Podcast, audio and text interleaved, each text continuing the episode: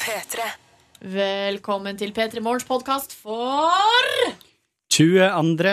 januar. Det blir et lite bonusspor her nå. Litt redusert. Ronny er på sjukehuset. Det går bra, slapp av, vi skal fortelle hvorfor etterpå. Og Markus er i Kyrksæterøra, det får du høre alt om i dagens sending, som kommer her. Etterpå blir det et bonusspor. Ronny og Silje starter dagen sammen med deg. Dette er P3 Morgen.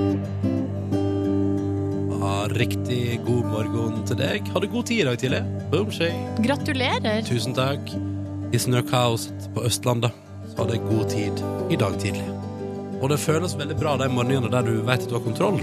Der ikke alt går over stokk og stein og alt er det totale kaos, men du faktisk tenker at det er en viss grad av uh, at det går bra her. Ja, riktig. Jeg har begynt med noe nytt, eller jeg har tatt grep pga. min eh, dårlige tid på morgenen. Så nå har jeg stilt Altså, jeg har endra på alarmen. Eh, Og satt den på fem minutter før. Ja, Eh, Bare sånn for å eh, ha litt bedre Kjøpe meg litt mer tid, liksom. og hvordan går det? Nei, det går helt medium. Litt på grunn av den her nevnte stivheten som jeg har prata mye om denne uka. At jeg har vært så støl at jeg nesten ikke kan gå. Så jeg har jo da trengt litt lengre tid på å komme meg fra A til B. Sånn at jeg, ja, jeg sprang til bussen i dag òg. Det var sånn au, au, au. au, au. det så... Så det, Å, Silje. ja da. Ja, Jeg skal aldri trene styrke igjen. Det er løgn. Ja, men Mm. eh, det, det- det frister ikke noe særlig, altså. Nei, nei, nei, Å bli helt sånn invalid ei hel uke etterpå. Mm. Er det mulig? Jeg har ambisjoner om å trene i dag. Å, ja, har du sagt det høyt her, så må det skje. Går. Hadde jo besøk av Dagoto Lauritzen i går, du. Han var jo altså pusha så enormt. Ja, han er Også avlufta men når vi spilte musikk, så var det rett på sånn Hvor ofte trener du, da? Ja, han er ganske rett fram. Ja, ja, ja, ingenting imellom der. Han skulle forresten få et litt gjenhør med, fordi vi kombinerte jo hans enorme konkurranseinstinkt med, eh, og hans ekstreme sunnhet. Så bare vikla vi litt på det og sa nå skal du få konkurrere i noe skikkelig usunt. Ja. Det ble chipsspiseduell mellom Dag Otto og Silje, og det skal du snart få et gjennom med. I tillegg til at vi skal spille masse god musikk, og så lurer du kanskje på er ikke Markus her rett over seks vanligvis? Nei, vi eh, sendte han til Kirksæterøyra, vi. Ja. Så vi skal høre med han litt seinere eh, om han har kommet seg fram, Ja. og hvordan det går det der. Er han der? Ja. Eh, og hvordan er det på mulla Krekars nye heimplass? Eh, det skal du få vite. Altså, Vi skal ha med oss livereporter video direkte fra Kirksæterøyra eh, litt senere i P3 Morgen. Og det syns jeg er stas når man er et sånt program som vi er, og så plutselig har vi direkte reporter ute der det skjer. Ja, Det er ikke så ofte vi har det. Nei, men vi har jo Markus, så hvorfor ikke? Men spørsmålet er jo, er det der det skjer? Altså, Skjer det så mye der? Akkurat Ja, ja, ja. nå, liksom? ja, ja, jeg er helt bombesikker. Han skal prate med litt senere. Og så vil vi høre fra deg, selvfølgelig, der du måtte befinne deg. Skjer det noe der du er, eller skjer det absolutt ingenting? Vi vil høre om begge deler. vi. Med koder P3 til 1987. Det er slik du når oss på SMS. Innboksen vår er åpen og tilgjengelig for deg som vil. Eller du kan benytte deg av Instagram og hashtag et bilde med P3morgen, og så vips, så får vi det servert eh, på internettet. Vi er tilgjengelige, og vi vil gjerne høre fra deg som vi deler morgenen med. Hvordan går det med deg egentlig? Og så lover vi, da, var det mye bra musikk jeg sa? Ja, det skal vi vel få til. Mm, og vi begynner nå. P3. For det vi aldri glemmer, er at det er torsdag, tross eh, alt. Du, har du eh, sett i innboksen nå, Silje, den meldinga som jeg har markert der ifra Det er altså meldinga fra Alexander på 19. Ja.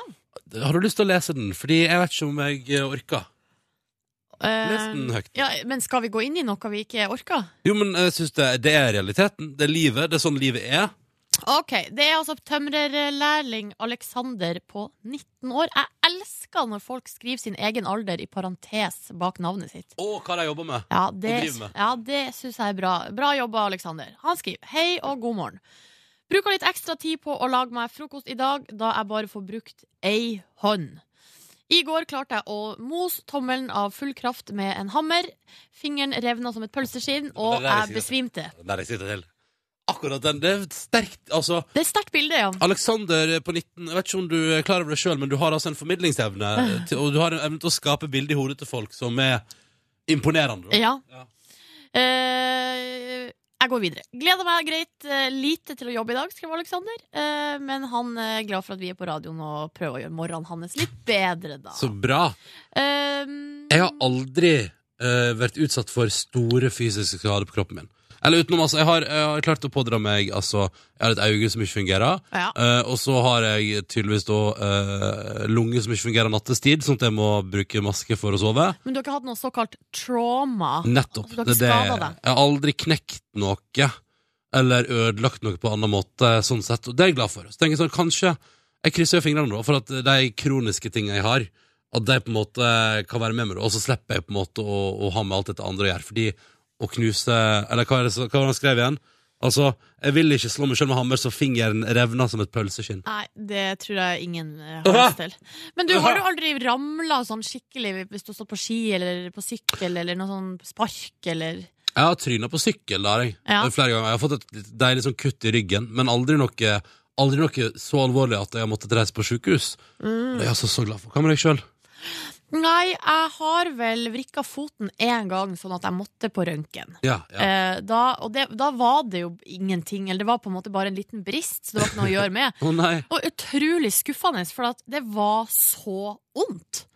Ja, sånn, ja. Ja, Nå begynte du på noe så skuffende fordi ah, alle de andre hadde gips i løpet av oppveksten, og jeg, jeg skulle ønske jeg hadde gips. Nei, men jeg tenkte jo som så at når det var så vondt, så måtte jeg i det minste liksom få hadde noe igjen for det. den. Ja. Ja. Men også, og da har jeg jo også uh, bresta fingeren på et tidspunkt. Ja, ikke sant? Så det har jeg også gjort. Ja. Det, uff, det er vondt, altså. Ah, for rett inn på SMS-innboksen her, P3 til 1987 fra Fagmann. Da gjør du for lite, Ronny. Ja. Ja, med et smilefjes bak. Så det er jo bare Det er for så vidt sant. Jeg skal fortelle deg at um, uh, i oppveksten min så uh, har, hadde vel mamma bestemt seg for at jeg ikke skulle gå på nedoverski. OK. Og uh, så var jeg sånn «Øh, Hvorfor ikke? Det, det vel ikke noe pes. Og så prøvde jeg med mitt svake syn en gang, ja. og da skjønte jeg hva hun prata om. For det der greiene der, nedover, i høy fart nedover en bakke, Jeg har ikke sjans. Men hva når du går på langrennsski da og må sette utfor? Ja, men det går fint, for det, det, det, det, der er det ofte litt roligere bakker. Og hva var det du gjorde da du gikk femmila i Holmenkollen, Silje, og jeg skulle gå en liten etappe med deg? Hva var det du sa til meg da? Hva sa jeg? Jeg tror vi bare går noen runder på stadion her, fordi det er så utrolig kupert terreng der ute. ja, men det var det faktisk. Ja, ja, ja. Jeg ramla jo på ræv opptil flere ganger. ja ikke sant? Ja. Så, det bare, så jeg har ikke helt eh, kontroll i høy fart nedover. Nei, det er, Så- det er mange som ikke har det. Hvis du, hvis du en gang Altså hvis det, hvis det skjer noe, altså et, eh, ikke et mirakel, men hvis det skjer et eller annet, og jeg plutselig er på vei nedover en slandebakke, Ja. og du ser meg en plass der, så ville jeg holdt meg så langt unna som ja, men da roper jeg sånn Plog! Eh, Plog! Ja, ja, ja, ja. Ja, for da går alt bra. Mm. Hjelper ikke det hvis jeg ploger på en liten kid jeg ikke så før den er fem meter Nei, foran meg? roper Kid! Rett foran! Plog til venstre! slitsomt å bli sånn som rallysjåføren har, at du blir sånn navigatør. Som er sånn Unge to meter til venstre! Tre foran deg nå! Det er jo genialt, da, hvis noen sliter med synet. Ja, det er genialt. Ja. Det er helt genialt. P3. Um, til snekker Alexander på 19 står der Jeg som jeg kjøper eh, frokost eh, på butikken Jeg skriver elektrikerhalstein 29 uh, Som har pådratt seg et uh, satans i handa på jobb eh, i natt faktisk Så da er altså tipset til uh, tømrerlærlingen Som uh, bare kan bruke en hand fordi han har kuttet Eller slått slått ihjel tommelen sin eh, Fra eh, en annen en elektriker her da Eh, altså, kjøp mat på butikken, for det kan du få til med ei hand. Da plukker du varen med ei hand, og så kan du ha ha for eksempel handlekorga hvis du trenger flere ting, hengende sånn over eh, armen. Ja. Og så spaserer du til kassen, og da får du ut varene med ei hand. Og så bare slenger du korga på gulvet, og så stapper du kortet i kortterminalen med den andre, og vips, du er good to go. Men jeg syns det der er så vanskelig sånn når man eh, For eksempel hvis man er på farten og må ha seg noe kjapt å spise. Eller for eksempel nå, her er det tips om å kjøpe frokost på butikken. Hva skal man kjøpe da, egentlig? Nei, altså, kanskje det er en pizzabolle eller en baguette? bagett. Ja, fordi pizzabolle, det er ikke frokost i min verden. Er Nei. ikke- Jeg kan ikke begynne dagen med en pizzabolle. Da får jeg for det første jævlig vondt i magen.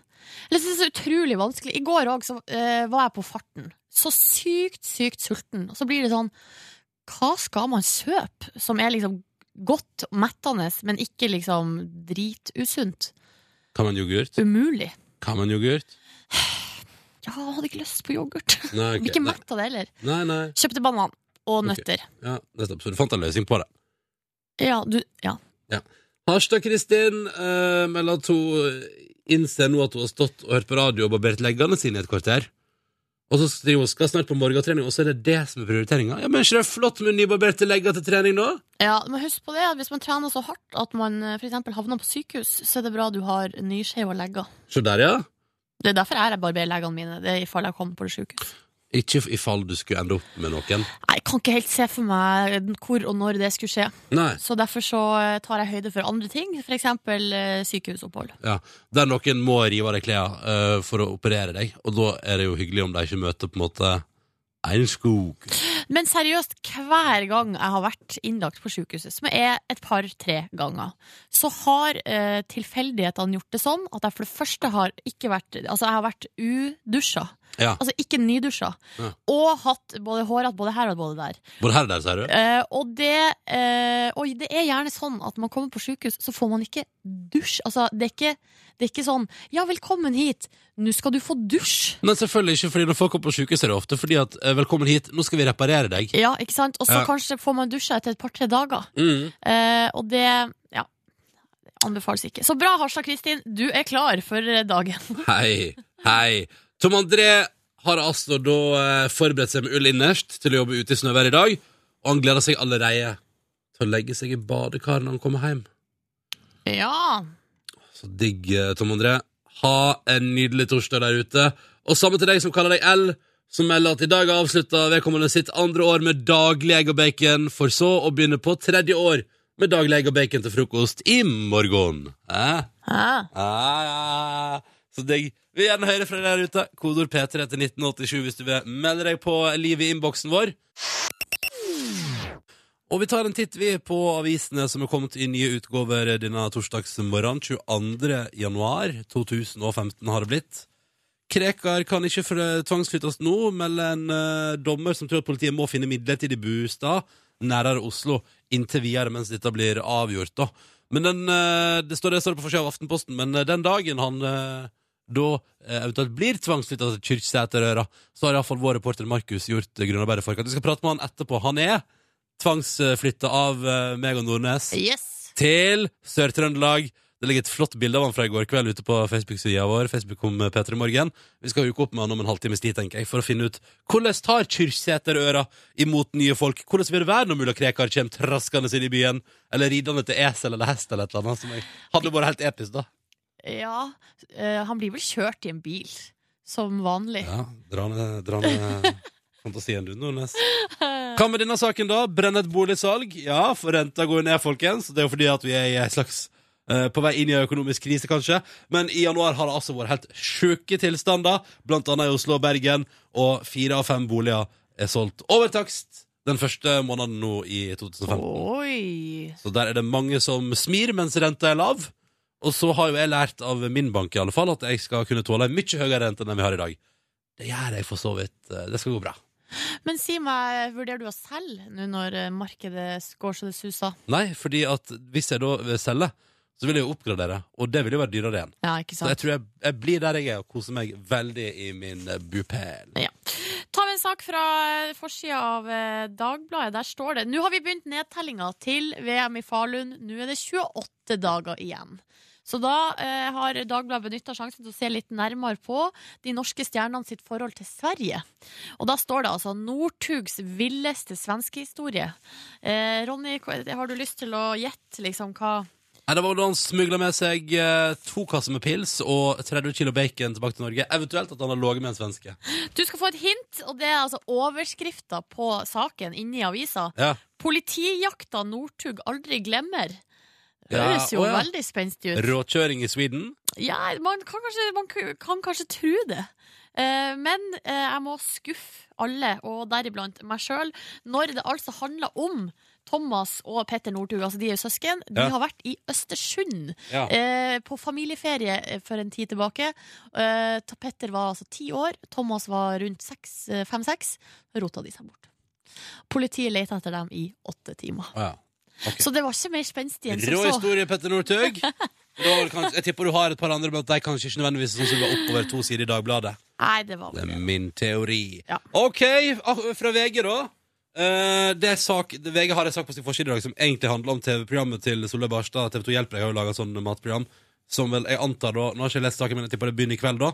Siden det i dag står på forsida at de har testa 15 ferdigretter. Å, tror du ikke at den fiskegratengen av 15 som er testa, med minst fisk i, er den Hellstrøm står bak? Å nei, Åh, det er så nei. flaut! Eivind Hellstrøm, nå går ryktet ditt åt skogen. Ja, men jeg føler at det allerede når man begynner med ferdig mat, så er man jo litt sånn på utrygg grunn. Og særlig han, da, som har vært så skeptisk. Men han har vel da meint at han har Jeg tenker jo at han da har liksom har gitt uttrykk for at han går inn i ferdigmatbransjen for å gjøre den bedre. ja. Og så viser det seg at han serverer dritt. Ja, det er ikke helt bra, altså. Det kan Nei. hende det smaker veldig, veldig godt, da. Ja, Men det er iallfall ikke fisk i det. Ja, det- ja. Kanskje noe for meg, med andre ord. Mer sånn makaroni og Å, det er godt, da. ja. Makaroni er godt. Kanskje noe ost på toppen der. Det er jo digg. Gratinering er alltid en vinner. Ja. Dette var avisforsidene denne torsdagen. Og nå skal vi her i P3 Morgen arrangere vår daglige konkurranse. Opptatt med å lese avisa, Silje? Jeg skulle bare bla Jeg var liksom nesten helt ferdig, så jeg skulle bare bla ferdig. Og så Ja. måtte jeg gjespe, uh, fordi nå skal jeg gjøre meg skikkelig klar for konkurranse. Bra. Vi har uh, DAB-adapter til bil eller morgenkåpe i premie. Vi har bare delt ut et par hittil i uh, 2015. Ja, det har gått litt trått nå eh, etter nyttår her. Men kanskje i dag i dagen. Ja. De som i så fall skal hjelpe oss til at i dag i dagen er Kim Hallo. Hallo. 28 år og fra Levanger. Yes, det stemmer, vet du. Og i tillegg til å studere juss, jobber du som brannmann og renovasjonsmedarbeider. Ja. det gjør Har det, vet du, har du eh, problemer med å sitte stille? Yes, det har jeg. Ja, nettopp. Jeg har, nettopp. har marsk i røva. Makk i ræva, ja. Ok, Men i tillegg til det, er det har du noen andre Har du noen hobbies? Nei, eh, uh, spiller litt fotball da, i tillegg. Ja, Ikke du- sant? Tar meg en fest i ny og ne. Så fint. Er du på Martin Ødegaard-nivå? Nei, det er jeg ikke. Det, det, det er mange år siden. Ja. Men du var der da du var 16, du også, hva? Ja, jeg trodde i hvert fall det. Ja. Du tenkte at Real Madrid var like ved åssen du ser deg opp? Ja, jeg hadde ambisjoner om å bli fotballproff, men eh, det ble dessverre ikke noe av. Men når innså du at det ikke skulle bli noe av? Det lurer jeg på, sånn oppriktig, liksom. Når i livet tenkte du Nei, ok, men da kanskje jeg ikke skal tilbringe så mye tid på fotballbanen? Nei, jeg kom på videregående, fikk Ja. litt uh, andre interesser. Det Ja. var litt mer eh, festing og se på damer videre der da. Ja. ja, det var mer interessant enn fotballtrening. Jeg skjønner. ja, helt klart. Ja. Det var, Story of many people's life. uh, hyggelig å ha deg med, Kim. Velkommen skal du være. Vi har også med oss eh, Øyvind. Hallo, hallo. Hallo, hallo. Du, du er fra Løvenstad. Hvor er det? Det ligger i Rælingen rett utenfor Lillestrøm. Aha, så du er i uh, en del av Stor-Oslo, Stor er det det man kaller det? Ja. Ja. Hvor er du akkurat nå, da? Akkurat nå er jeg på Alnabru. Akkurat nå er du på Alnabru, også rett utafor en del av Storost og der. Og det jeg lurer på er, Har du på noe tidspunkt i livet Øyvind, tenkt at uh, fotballproff eh, ville være helt opp de gater? Ja, selvfølgelig. Selvfølgelig. Og når var det du mista Hvis ikke du er nå Altså, hvis, hvis ikke du er på en måte up and coming fotballproff Nei, du er ikke det. Når var det du mista håpet? Nei, det var på videregående, det òg. Ja. Var det, det, var, var det fest og damer som interesserte deg også? Så du bare sklei over dit? Nei, det var gikk over til hockey. Å ja! Spiller du fortsatt hockey, da? Nei, jeg måtte slutte pga. skade. Nei! Åh. Men Øyvind, hva gjør du da eh, på fritida di? På fritida så har jeg to hunder som trenger sitt. Og så driver jeg med raining, uh, horse riding. Så westernridning. Tuller du? Er det sant? Ja. Wow! Så så, helt, helt, ny, helt ny i gamet, da. Så det er veldig spennende. Men er det en konkurranse, liksom, i westernridning? Ja. og du, og du helt ny. Har du, har du liksom gått i anskaffelse av eget cowboyutstyr og kostyme, liksom? Ja, jeg driver og prøver å finne skoene. Jeg har litt problemer med høy vrist. Ja. Og det, ja, det er litt problem med å få på seg støvler, da, for å si det sånn. Du kan dessverre ikke vinne støvler her i eh, P3 Morgen i dag, men kanskje ei flott morgenkåpe eller en DAB-adapter til bilen din? Det høres bra ut. Vi kjører i gang konkurransen. Kim, du er først Yes. i vår lille Melodi Grand Prix spesial. Fordi i går ble årets finalister til Melodi Grand Prix presentert. To veteraner som begge har vært med elleve ganger hver, skal synge en duett sammen. Vi vil ha navnet på én av de to. Åh. Melodi Grand Prix, ja. Ja, og du, Vi skal til fram til noen veteraner som har vært med mange ganger, så her er det bare å hive ut et navn. Eh, nei, Tre, to, faen, eh, én Nei, nei, nei. For et språkbruk, Kim! Ja, Melodi Grand Prix, da. Ja. Det det. Ja. Nei, men det ble jo sluppet liksom i går, Sånn Over at... alle nettavisene, Kim. Nei, Øyvind. det var dårlig. Vet du, Øyvind? Ja, ikke Elisabeth Andreasson. da?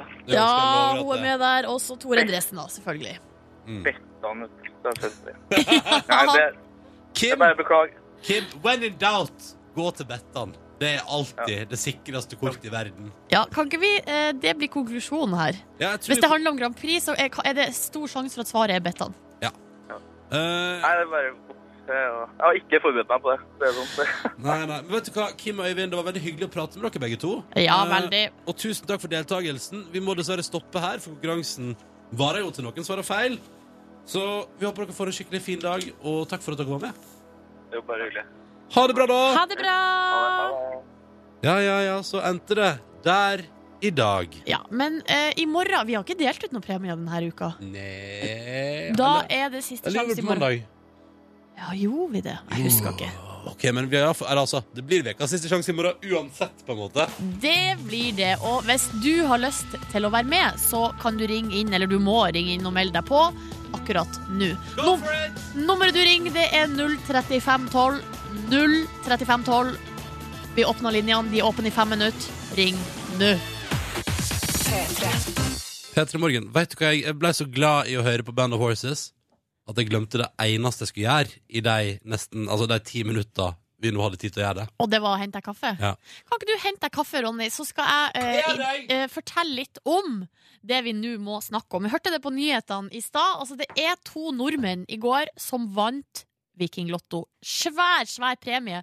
Nå er ikke jeg så oppdatert på eh, Vikinglotto, men det var en sånn lykketall som skulle bli eh, eh, valgt ut. Der det er altså en, en Sjansen for å finne lykketallet 1 til 98 millioner.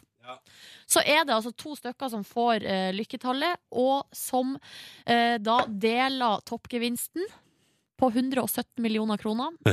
Altså det er nesten 60 millioner kroner hver i premie. Og det som er, er at i går kveld så hadde ikke Norsk Tipping fått tak i de her vinnerne. Så Nei, det det, det, det har du ikke prøvd heller, for det var sein trekning i ja, går. ja, det var det. Det var så sent, ja. Ja. Så det, og, men det var heller ingen vinner som hadde ringt inn og tatt kontakt, for det Nei, gjør men jo noen men folk hva, av og Men til. hva gjør Altså, la oss nå si, Silje, hvis, hvis du hadde trodd at du vant 60 millioner i Lotto Jeg hadde ringt inn og sjekka, for hadde, å si det sånn. hadde du det? Ja. Jeg hadde tenkt sånn Er det bare dårlig Det er pinlig å ringe inn og bare «Ha, Jeg burde 60 millioner Nei, det har du ikke. OK, Nei, men ha man, det bra! man trenger jo ikke Man må jo ringe inn for å sjekke og si sånn tut, tut, tut, tut. Ring, ring. Er det Norsk Tipping? Hei, det her er Silje Nordnes som ringer. Du, jeg bare lurte på en ting. Kan det stemme at eh, lykketallet 45 ble trukket ut eh, nå nettopp? Ja, det stemmer. Og da er feiringa løs. Men uansett, det skjedde ikke, sånn at det betyr at i dag rundt klokka ni så er det altså én person i Finnmark og én person i Var det Rogaland? Det var? Rogaland, vet du. Fordi jeg spilte jo Vikinglotto i går, så jeg måtte jo sjekke. Er det sant? Jo, men jeg vant jo ikke en dritt. Aldri vært så langt ifra. Nei, ok, Så du er 100% sikker på at du ikke eh, har kjøpt eh, Vikinglottorekke i Rogaland eller Finnmark? Jeg er pretty sure about it. Og, hvis Ja. det, og jeg er også 100 sikker på at det ikke er jeg som får en telefon rundt klokka ni i dag. Men gud, hvor jeg skulle ønske det var meg! Men jeg er jo eh, av den typen som Jeg spiller jo ikke Lotto. Men når det blir snakk om sånne her type ting, at i, i dag klokka ni skal det, det ringes til eh, to stykker som får 60 millioner hver, nesten, så blir jeg litt sånn Enn hvis det er meg? Og så begynner jeg å planlegge hva jeg skal bruke pengene på allerede. Ja, ja, ja. Skal vi se, 60 millioner, ok. Da er du rimelig optimistisk hvis du verken har vært i Rogaland eller Finnmark siste veka, og heller ikke har spilt Vikinglotto, men likevel tenker jeg at kanskje det er du som får Ja. den telefonen. Ja, men kjenner du ikke det igjen, den følelsen? Fall, altså, vi skraper jo skrapelodd Lodd stort sett hver dag på Ja, det må vi slutte med, ass. Det må vi slutte med, fordi det er ikke nok gevinst til at eh, det, altså, det er et pengesluk. Ja, ja, ja. Men, Men det er daglig spenning da i et par små minutter der. Ja, ikke sant? Eh, men vi, og så snakker vi ganske ofte om hva vi skal gjøre hvis vi vinner Ja, ja, ja. Altså, jeg har lagt ei løype for hva jeg skal hvis jeg vinner, ja. en million. Hva skal jeg hvis jeg vinner 10 000? kan gjøre hvis jeg vinner 100? Ja. Altså, det er forskjellige typer planer, da. Uh, men den, altså, og så blir man så skuffa når det ikke Ja. gis gevinst. Tenk hvordan jeg følte meg i går, da. Da det er to andre som har fått 60 millioner hver. Åh. Hadde jeg vunnet 60 millioner i Vikinglotto i går, hadde jeg aldri sagt det til noen. Men tror du du hadde klart det å holde det hemmelig? ja. Er du helt sikker? For du eh, er ikke så Du har ikke pokerfjes. Nei. Men da måtte du ha spurt den direkte. Vant du 60 millioner i går? Ja, men det, jeg har jo nettopp spurt. Ja, det gjorde ikke jeg. Du gjorde ikke det, nei. Hvis du hadde gjort det, hadde det dryppa litt på meg? Du hadde kanskje fått lov til å være med på en liten ferietur? Yay! Hey! Ja, ja, ja, ja. Kanskje det er da du skulle ha leid danskebåten sånn som du har drømt om. Åh, hele danskebåten! Kun til meg og mine næreste. Ja. Ja, det- det skal skje en gang. Men det skal jeg, det skal jeg begynne å spare penger til nå, faktisk. Å leie hele danskebåten. P3. Riktig god morgen der ute i det ganske land. Tenk deg, nå er vi altså i gang med torsdagen. Og det er ikke så lenge siden det var mandag, og plutselig er vi nære helga, og alt føles eh, fint, forhåpentligvis. Og så er det jo denne ukas store snakkis, da. Mulla Krekar er altså, befalt av staten. Staten og politiet har sagt du må flytte dit. Eh, du skal dit. Og da, når de sier dit, så valgte de å si altså på mystisk og veldig tilfeldigvis virker det som uh, Kyrksæterøra i Sør-Trøndelag. Og når mulla Krekar blir tvangsflytta dit etter hvert, så tenker vi at da må vi sende en i forkjøpet uh, for å finne ut hvordan det står til der oppe. Derfor sier vi nå, direkte fra Kyrksæterøra, god morgen, reporter i P3 Morgen, Markus Neby. God morgen, god morgen. Ja, det er det, hallo, hallo. Hallo, hallo. Hei! Hvor befinner du deg akkurat nå, eh, reporter Markus, direkte fra Kyrksæterøra? Nå befinner jeg meg i et hotell med blå tepper, noen rutete gardiner og et speil. Jeg har utsikt over hele eh, sentrum. Et eh, deilig lite senter med forskjellige butikker hvor man kan kjøpe ting. Hva, vil, du, vil du gi oss en kjapp eh, oppsummering av noe av utvalget man har på Kyrksæterøra? Ja, Det første butikken jeg gikk forbi i går, var en butikk som het eh, Ledige lokaler. Eh, videre var det noe frisør, eh, frisørsalong. Så det var veldig stæsj da, med noe sånn Renate Morten Gams Pedersen-plakataktig på. Og så Eh, du har reist helt til Kyrksæterøra for å oppdage at Morten Gams Pedersen fortsatt er reklamemodell for Renati. Det stemmer, det stemmer. Um, jeg testa ut en eh, kinesisk eh, restaurant i går også, um, som var uh, altså, veldig hyggelig, ekstremt hyggelig vertskap. Uh, og det var fint, fordi det var ikke noen andre å prate med der. Ikke i løpet av den timen jeg var der. Ja, for det kokte ikke på kinarestauranten.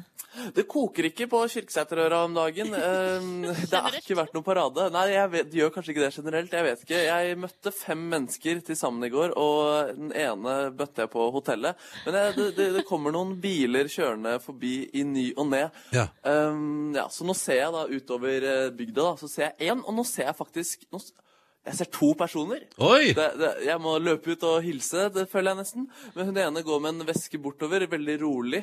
Eh, og hun går da forbi da dette butikksettet Ledige lokaler. Straks går hun forbi frisørsalongen. Og da har hun et valg om hun kan svinge inn til venstre, hvor det er et lite sånn senter, da, virker det som. Det er litt sånn åpen plass med noen butikker på. I går så ringte jeg til eh, en som heter Olav, som har ansvar for turisme, for å få noen sånne tips om hva jeg skulle oppsøke i går.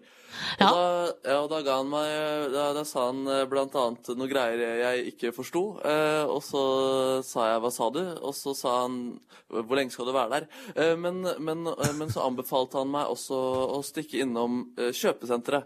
Det kunne man gjøre. Det var gøy. Men da jeg kom fram klokken seks, så hadde det stengt. Ja. Så da kunne Men det er jo en opplevelse på dagen i dag, da, Markus. Ja, det, jeg tenkte å sjekke ut det. Eh, sjekke ut, Kanskje kjøpe litt, og gå rundt og hilse på folk og sånn. Det må jo være dritt ganske kult. Det gryr jo av en ny og spennende dag i Kyrksæterøra for, for deg, Markus, i dag. Ja, ikke sant? Og så måtte jeg selvfølgelig få til et uh, Mullaløft-bilde her. Så jeg møtte to, uh, to unggutter langs eh, veien og følte meg utrolig ubehagelig. Eh, som ba dem ta et bilde av meg hvor den ene skulle løfte meg. Og det er, det er løfting for noen miljøer er en seksuell handling. Um, oh, ja, men, okay. men, men, men, eh, men foreløpig så er det Jeg, jeg syns det er en veldig sånn det er veldig rolig, rolig stemning. Jeg syns det ser ut som en veldig koselig, koselig by. Du, Er det noen andre journalister der, eller er du eneste mann på plassen? Nei, som sagt så har jeg ikke sett så mange mennesker, men jeg har sett et eh, TV 2-kamera eh, ja. liggende i gangen. Så jeg Ligger den i at, eh, gangen, faktisk? Du vurderte ikke å stjele det? Eh, jeg vurd nei, jeg vurderte faktisk ikke det. Jeg tenkte at da ville de skjønne hvem eh, det var. Eller det er i hvert fall lett å veldig spore det i denne bygda. Ja, fordi det er liksom Er det noen andre på hotellet? Ja, det er han Markus fra Peter i Morgen. Ja, det var veldig sketsjy at de ser meg gå bortover veien med et digert kamera som jeg så vidt klarer å bære. Markus, vi skal straks få en rapport fra deg. Hva er det du skal servere oss om ikke for mange minutter på P3? Nei, jeg tenker Et relevant spørsmål er eh, hvordan tar bygda folk imot nye mennesker? Så jeg har eh, funnet svar på om det er hyggelig eller kjipt. All right, straks. Hvordan tar Kyrksæterøra imot nye innbyggere? Dette er jo veldig spennende for mulla Krekar å få vite, så vi- skru opp lyden nå, mulla, hvis du hører på. For straks får du også vite litt mer om plassen du da skal flytte til. P3. Nå kan det se ut som, kanskje da, at mulla Krekar skal eh, tvangsflyttes til Kyrksæterøra! Hvor ligger det? Sør-Trøndelag fylke. Og hvem er der akkurat nå? Vår reporter Markus Ekrem Neby, vi har tvangssendt deg dit, Markus, for å eh, hva skal jeg si, sondere terrenget litt. Gå opp løypa. er, ja. Hva sa du? Gå opp løypa for mulla Krekar, ikke sant? Fordi jeg tenker at hvis du varmer opp Kyrksæterøra innenfor det å ta imot nye, så vil det jo bli lettere for han å komme etterpå. Eh, det- Definitivt, definitivt. Og jeg kjente i går på at dette er ganske tvangssending da jeg satt på det femte transportmiddelet mitt, og alle batterier forsvant fra mobiler og datamaskiner. Men eh, det var en veldig fin, eh, fin busstur som mullaen forhåpentligvis kan glede seg til. Å, staselig. Eh, men du har vært og opplevd ting, og du har sjekka hvordan Kyrkjeterøra tar imot nye i bygda si. Det stemmer.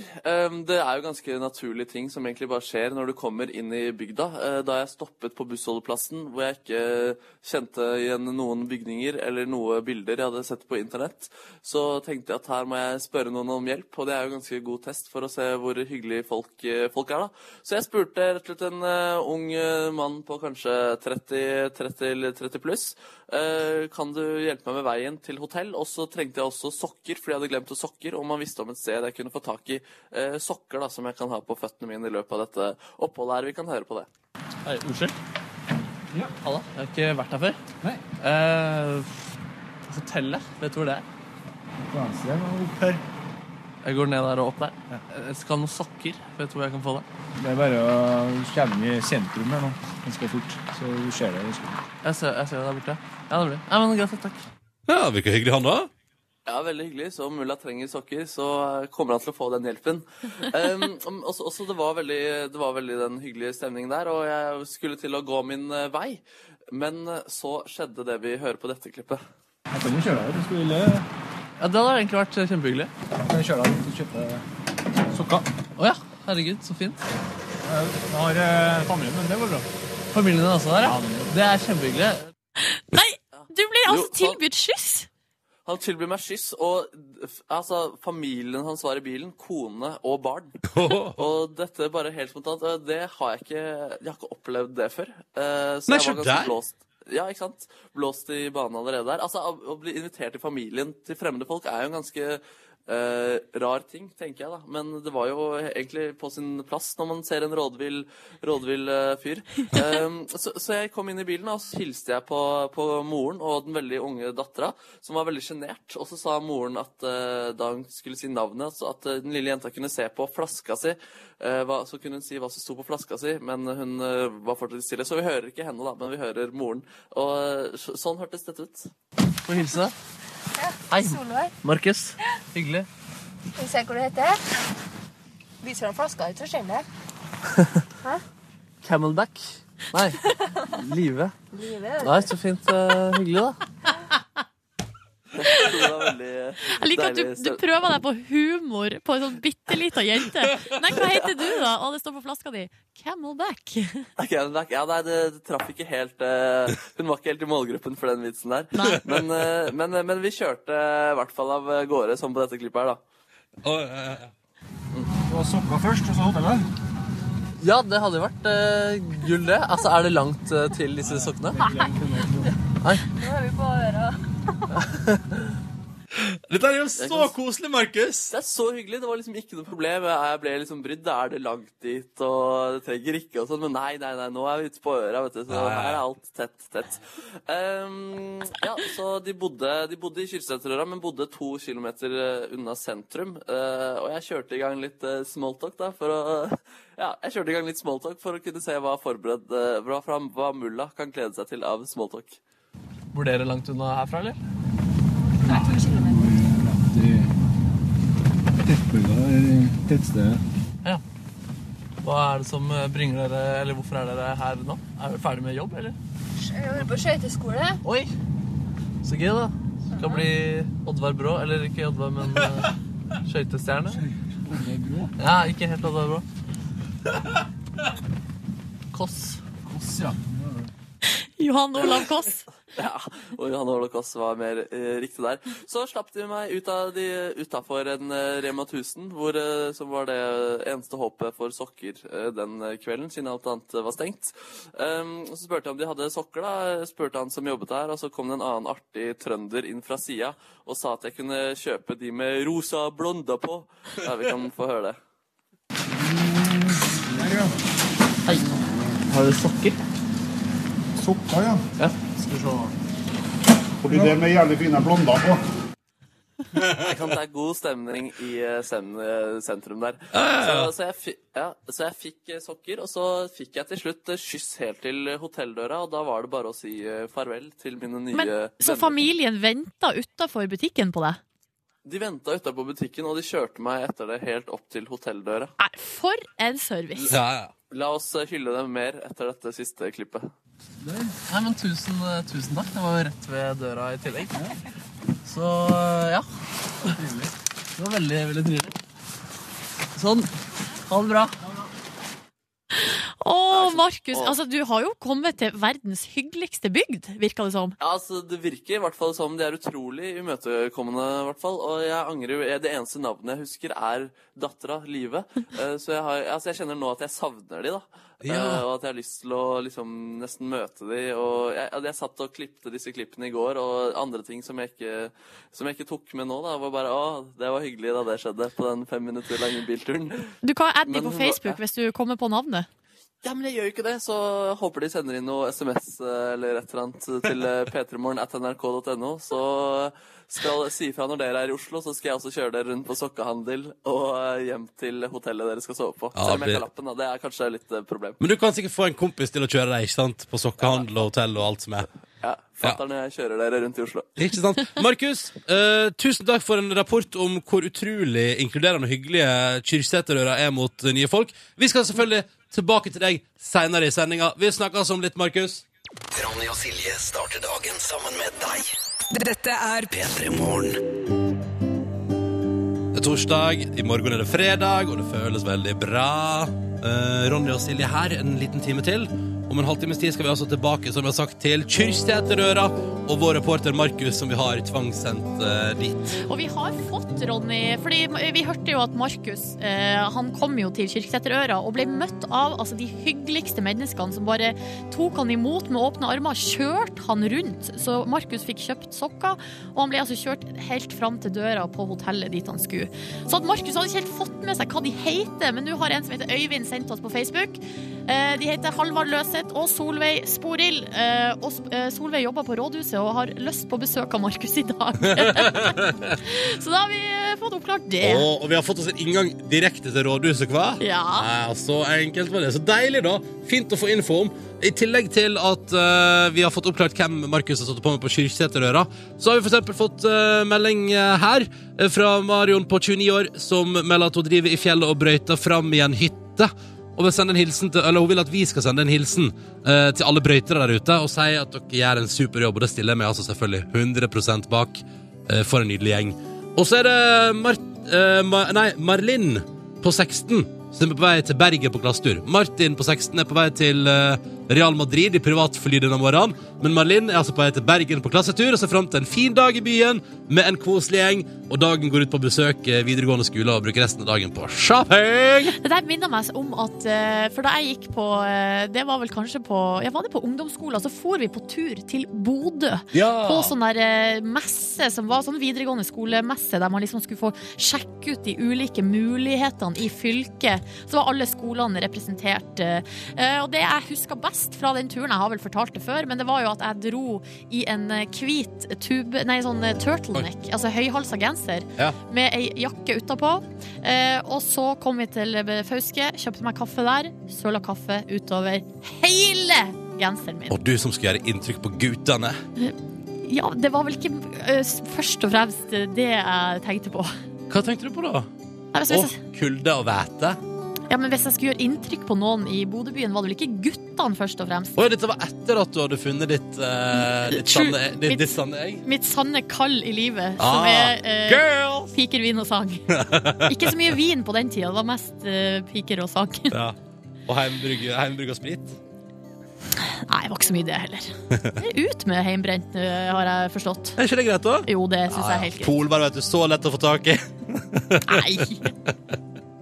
Riktig god morgen. Jeg for min del søler jo kaffe på meg fortsatt i en alder av 28 nesten hver dag. Ja. Likevel velger jeg stort sett å gå i lyse T-skjorter. Så man kan jo kalle det et paradoks nå, eller et slags livets evige ironi. Ja. Uh, men det er hyggelig å være her. Og så er det jo sånn ting med radio, for du ser jo ikke meg nå, kjære lytter. du bare hører meg. Og det betyr at jeg kan søle kaffe over hele meg hvis jeg vil. Uten Ja. at jeg gjør noe. Du møter jo på folk da i ditt daglige Ja. virke. Det er det som er, man, glemmer jo, man lager radio, og så glemmer man at man på en måte har en kontorhverdag etterpå. Ja. Ja. Nei, det er ikke nødvendigvis er så kledelig eh, å være full av kaffesøl. Men sånn er livet. og Man kan ikke få gjort noe med det. Man begynner å spise med sånn, hva heter det, sånn smuk- Smekke, ja. Nei, det går ikke, det, vet du. Du hører på NRK P3. Og jeg vil nå ønske velkommen til eh, spalten Ronnys husfarskole, der Ronny Brede Aase er mannen som har gått fra slubbert til eh, menneske som eh, takler alt. Da kjører vi i gang!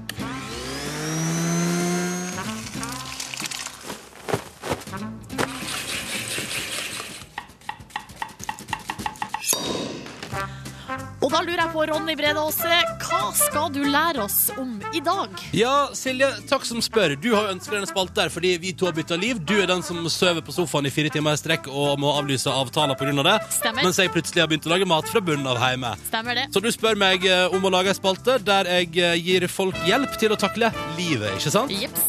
Ronnys husfarskole, altså.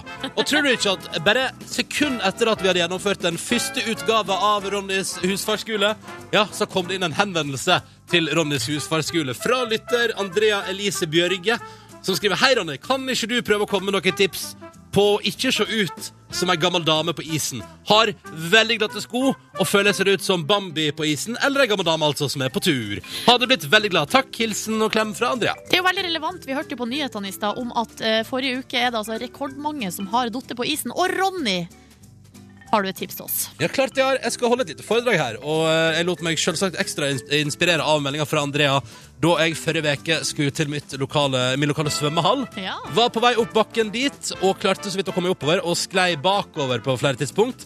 Og ble altså rystet da ei kvinne, eh, sprek sådan, jogga forbi meg på isen. Nei, er det sant? Og jeg sleit med å få føttene mine framover. Ja. Og spørsmålet fra Andrea er jo, det handler litt om Vi kan først ta litt om eh, hvordan unngå å skade seg på glatta. For det syns jeg er det første og det viktigste punktet. Ja. Og der har jeg et par gode tips. Jeg pleier på eh, Altså hvis det er flatt, så pleier jeg å gå for moonwalk-metoden. Trygt og godt. Ja, du bare han- sklir bortover, liksom. du løfter aldri beina fra det som å gå på skøyter. Du bare segler bortover med beina vassende nede i bakken. Ah, det hadde jeg aldri du- tenkt på. Så smart. Har du ikke det? det, det du har så god kontroll, og spesielt hvis du har dårlig tid og egentlig burde jogge. Så er det bare å skli seg bortover på moonwalk-metoden. Ja. For det går altså så bra. Men framover, ikke bakover, altså. Sidelengs pleier jeg ofte å bruke i nedoverbakka. Hvis jeg kjenner at dette her, nå bærer det utfor, så pleier jeg rett og slett å plassere meg sidelengs. Og så tar jeg, på, som på ski, trakkemetoden eh, der man beveger én og én fot ett steg nedover. Litt Og, sånn krabbe, altså som krabben. ja, på et vis. Ja. På et vis, Silje Nordnes. Veldig bra illustrert der. Ja. Og det fungerer altså som ei kule. Det ser dumt ut, ja, men jeg vil anbefale trygt og godt. Eller, som jeg også praktiserer, gå omveier hvis du ser at der du egentlig skal nedover, er glatte greier. Gå en omvei. Det er også trygt og godt. Men hvis du nå først står der, Silje, Ja. og du stavrer deg framover, som jeg jo gjør, og som du også gjør, stavrer oss framover på isen, vi sliter med å holde oss uh, floating, ja, hva gjør du da? For å ikke se ut som en gammel dame, som da Andrea spør om på uh, Facebook-sida vår. Jo, det skal jeg fortelle med en gang! Du må prøve å avlede merksemda til de rundt deg. For eksempel, prat hele veien. Hallo, hallo, god dag, god dag. Hei, hei. Altså, prøv å prate med folk, for da legger de ikke merke til at beina dine altså ser ut som Men da idiotien tror sjøl. de jo at du er gal i stedet. Nei, nei, nei, de tror at du er sosial, ikke gal. Ja. Videre anbefaler jeg stilig kostyme. Eh, Det å kan avlede altså fra at beina dine eh, ser ut som du ikke klarer å gå. For eksempel prøv å ta på et hestefjes, et koalakostyme. Eller hva med det stilige nå for tida? Altså at du kler deg i et tacoskjell. Det fins, jeg har sett det i virkeligheten. Men da, jeg vil jo bare tenke at man tiltrekker seg mer oppmerksomhet. Ja, men ikke til beina! Ikke til beina. Og så kan du ta på alt fra 80-tallet. Det går også fint. 80-tallet er jo en evig tid for å diskré. Uh, altså, det handler jo om å dra oppmerksomheten oppover, Men du hater jo kostymeparty. Ja, ja, men du kan sminke deg i fjeset, eller ta på en gøyal hatt. Flosshatt. En sånn svær, hva heter det? Svære meksikanske hattene. Sombrero. Sombrero! Ta på sombrero, så er alt i orden. Og mitt siste tips ja. Er du helt ute og sykler, sliter med å gå på isen og ser dum ut, og tenker hvordan skal jeg eh, maskere dette overfor folk rundt meg, ja, da har jeg bare ett siste tips, og det er å ta med seg en flaske sprit når du er ute og går. Uh, og gjerne ei som er nesten tom, Fordi da kommer ingen til å tenke at du sliter med isen. De kommer til å tenke at du sliter med fylla. Hæ? Jeg tenkte du skulle si noe annet, som var 'hold deg hjemme'. Det er mitt siste tips, Silje Nordnes. Du kan jo bare gjøre som meg eh, forrige helg, da det var ekstra glatt i Oslo. Den turen på butikken kan jeg ta i morgen. Å, Ronny! Det var det jeg visste at denne spalten var en god idé, for du har altså svaret på alt.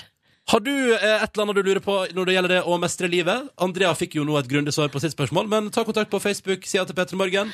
Åh, eller på eller send meg en mail. Ronny etter nrk.no, så skal vi ta tak i dette her. Og så skal jeg hjelpe deg å løse ditt liv. Ja da. Jeg kan godt holde motivasjonsforedrag også. Det er bare å ta kontakt. P3. Riktig god torsdag til deg. Vi skal komme med en radioanbefaling her nå eh, like før halv ni på en torsdag. Eh, Fordi at du tenker kanskje at radio ja, det er mens du er på jobb eller skole og sånn. Nei, nei, nei, nei, nei. Går hele døgnet. Eh, Og vi har ei anbefaling til deg som er våken mellom ti og midnatt i kveld. Eh, Fordi maken til smooth start på helga eh, på en torsdag, det får du ikke.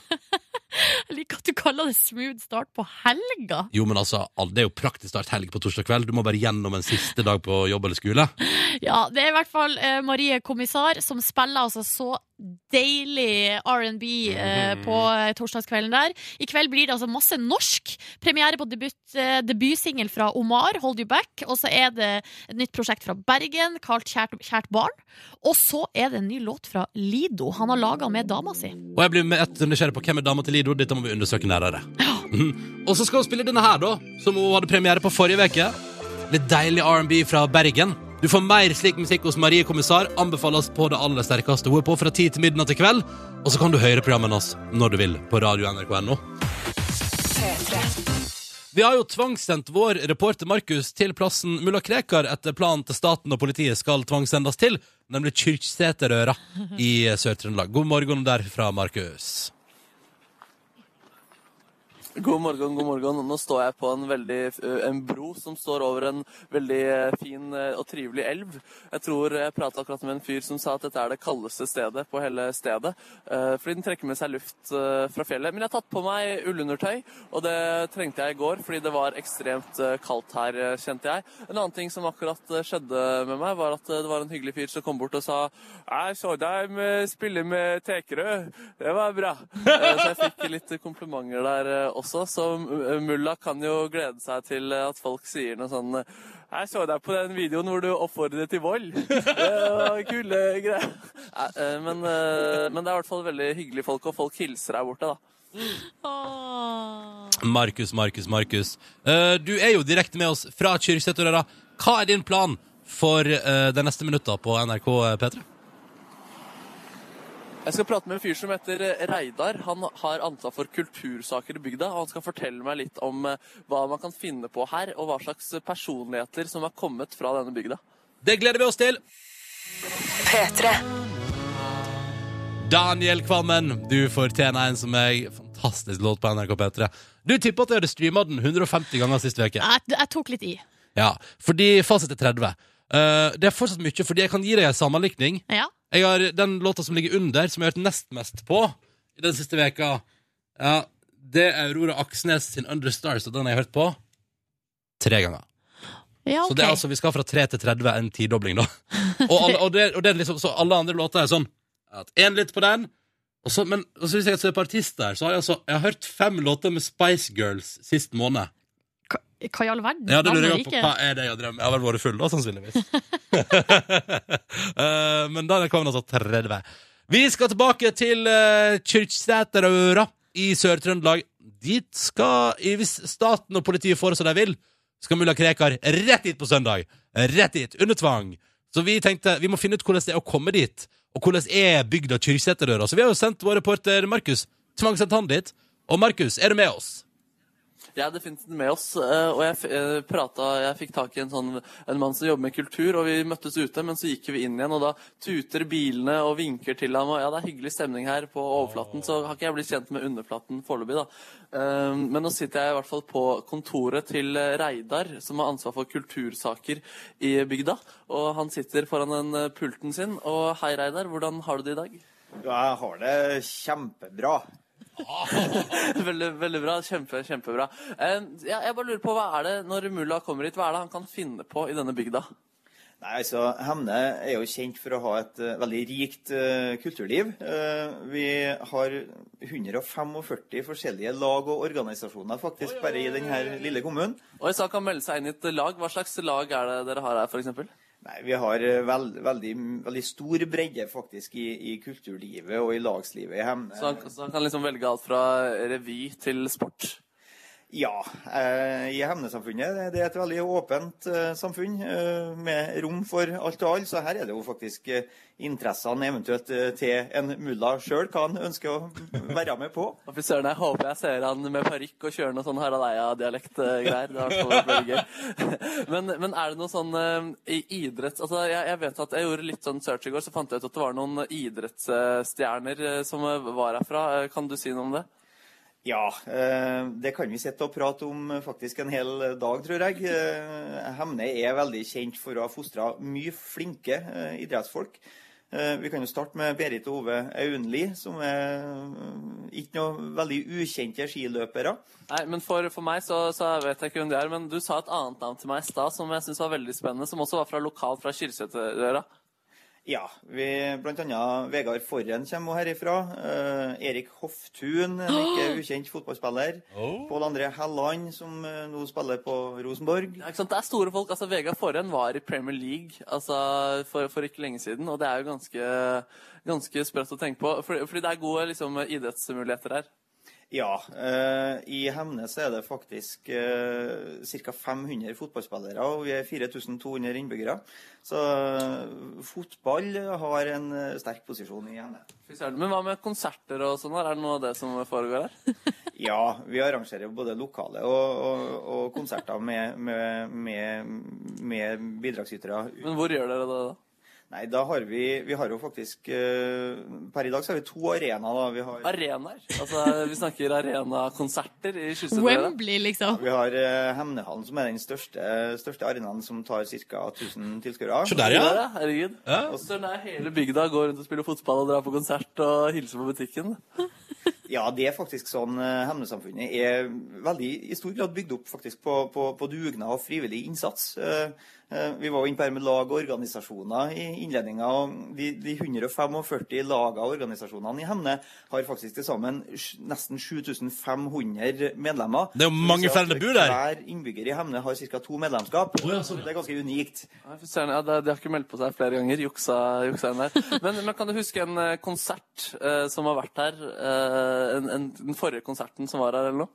Ja, eh, det, det er jo veldig mye lokalt. Hemne Vinje Songlag er et, et, et veldig flinkt eh, og stort kor. eh, Stort, stor medlemsmasse. Eh, Jan Erling Holberg, The Holberg Project f.eks. for eksempel. Jan Erling er jo herifra. Ja, Jan Erling Project. Det er jo gøy, da. Men det høres ut som i hvert fall mulla skal bli godt kjent med indie-miljøet i, i Kirkesøra. Markus? Ja da, og så og så er det jo, vi må nå ta opp det, og det er jo friluftslivets år i år. Og i friluftslivets år så er det jo faktisk det her med fysisk inaktivitet vi prøver å komme oss bort ifra. Altså ta folk bort ifra, ifra skjermen. Ja, Eh, og vi har jo tilrettelagt veldig godt for at folk skal kunne komme seg ut og nyte og den fantastisk flotte naturen vi har her, da. Mulla, slutt å holde foredrag for eh, muslimer på internett. Kom deg ut i naturen, blir konklusjonen herfra, da. Du, jeg lurer på, Markus, var det her innslaget sponsa av Visit Kyrksæterøra? Det, det var det nok definitivt. Det står eh, 'Visit uh, Kyrksæterøra' på genseren hans, og eh, ansiktet hans er en K. Og så må jeg bare si at jeg nå etter denne praten kun ser for meg at mulla Krekar melder seg inn i sangkoret på Kyrksæterøra og blir med og synge sånn eh, 'Kom meg, du skjønne milde når våren kommer. Nei, Dette blir helt nydelig, tror jeg. Og Helt søren, nydelig. etter hvert så blir han, litt- etter hvert så blir han litt sånn kaki om å uh, krever solo og sånn. ja! Ser det for meg. Takk skal du ha, Markus! P3. Bodus! Hvordan går det med deg, Kåre? Får du noia for at det er bare meg og deg? Nei, jeg syns det er koselig. Blir ikke redd for at Ronny ikke er her, og altså at klippen i livet vårt ikke er her? Her blir det av og til. Nei, det føles litt som vi er alene hjemme. Ja, vi er jo det. Mm. Når det er to jenter som er alene hjemme, så snakker vi om mensen. Men eh, det utgår jo nå. Hva skal vi eh, Skal vi baksnakke Ronny på noe vis, eller hva skal vi gjøre? Skal vi gjøre noe spesielt? Ehm, nei, vi kan jo vi kan jo snakke om uh, Hva vi gjorde i går. Og lillebror som er på tur. Og Markus er på tur. Han er altså så komisk og søt og rar. Men eh, det virker som det går veldig bra med han, da. Ja. Og han skal være der et døgn til. Det blir spennende. Mm. Tror han jobber lange dager der oppe. Sitter Ja. iallfall lenge oppe, oppe på kvelden. Jeg har sett tekstene der i går. Ja. Jeg leser jo de enten på natta hvis jeg våkner, eller slutt, Jeg satt og venta på noen greier i går, og til slutt så sa jeg nå legger jeg meg. Ja, riktig. Da hadde jeg sett på Broadchurch, Jesus Christ. og så sa jeg til kjæresten min jeg kan ikke se sofa i kveld, selv om vi syns det er dritmorsomt, liksom. Ja. Og så Ja, men kanskje bitte litt, da. For kanskje Markus sender de greiene. Hva skulle du sende da planen for hva han skulle gjøre i dag? Ja, Ja. og noe klipp og noe greier. Ja. Og så ble jeg sittende og se hele sofaen, vet du. Var det bra? Det er, jeg syns det er helt fantastisk eh, gøy. Men Broadchurch i går, var det bra? Uh, ja, Jeg fikk ikke sett det. jeg syns det er bra. Jeg syns eh, fremdeles at sesong én var mer intens. Ja. Uh, men det er jo fordi at det, det er mer på spill før eh, Før de har fanga noen som har gjort Gjort det, liksom. Ja, jeg vet det. Jeg tror fremdeles at det er han. Herregud, det her er helt umulig å snakke om uten å spoile det. Ja. Så vi kan, kan ikke gjøre det. Nei. Du, var det sånn at du hadde noe godteri som du drev og erta med mens vi var og spiste røsti-potet? Ja. Jeg kan begynne å fortelle hva jeg gjorde i går. Ja, men hvis du har Kan ikke du sjekke om du har sjokolade? Ja, men det ødelegger dramaturgien. Ødelegger det det historier. Men du må bygge opp historier som om at jeg ikke vet at du har masse Ja. godteri i sekken. Ja. Og så skal jeg love å være kjempeoverraska. Hele den ryggsekken her er full av smågodt. Seriøst. Not. Å, herregud! En stor Hva det er 60 liter sekk? Ja, noe sånt. Ja. Nei da. Jeg var I går så dro jeg hjem, så litt TV, lagde litt mat. Litt restemat. Og så skulle jeg på Storosenteret. Å, bra senter. Ja, bra senter. Eh, hvis du veit hva du skal ha. Å ja, det er litt Ikke så bra senter når eh, du ikke veit hva du skal ha. Hva var det du skulle ha, da? Nei, saken er den at eh, jeg og kjæresten min har toårsjubileum i Å, dag. gud! Så du skal kjøpe gave? Jeg skulle kjøpe noe lite, eh, men jeg ville kjøpe noe bra. Hva er lite i din verden? Eh, nei, til en sånn ting så Nå har det akkurat vært jul, og så Sånn så det er, jo, det er jo noe med at du ikke har lyst til å kjøpe noe altfor stort, og så har den andre enten ikke kjøpt noe, eller, eller kjøpt noe bitte lite. Ja. Ei penn, liksom? Ja. En penn. Uh, så jeg, um, Nei, jeg tenkte sånn kanskje 500. Ja. Eh, men, men jeg kunne ha betalt mer hvis det var noe jeg fant, liksom, som var, som var fett. Men jeg gikk rundt på storsenteret, og du vet, vi har snakka om det før her, at det å gå rundt på kjøpesenter i vinterjakke Ja, det er helt det er helt bytende. Så jeg tok den av meg, gikk med den i ene hånda, den ryggsekken her i den andre hånda, for det var treningsbag til i dag. Så gikk jeg rundt og leita, Ja. og kikka og kikka, tenkte litt på klær, og litt på sko, og litt på Ja, for, for 500 kan man få en fin genser eller fin T-skjorte eller et eller annet Ja, sånt iallfall fint. nå når det er salg. Ja. Så jeg var på Høyer, var litt rundt omkring og kikka, men fant ingenting. Jeg gikk seriøst rundt i en og en halv time. Å, Det tar jo lang tid å gå der. Så blir jeg forvirra av hvor jeg er på senteret, og så går jeg ekstra langt og sånt. Så det endte opp med at jeg kjøpte et kort, og that's it. Oi, Så jeg gikk rundt og svetta i en og en halv time for å kjøpe et kort på Tiger. Ja, det kunne du ha kjøpt på 7-Eleven òg. Yes. Så, men uansett eh, Så fant jeg ingenting. Men så tenkte jeg, vet du hva Det er jo fordi at uh, han har alt. Vi har alt.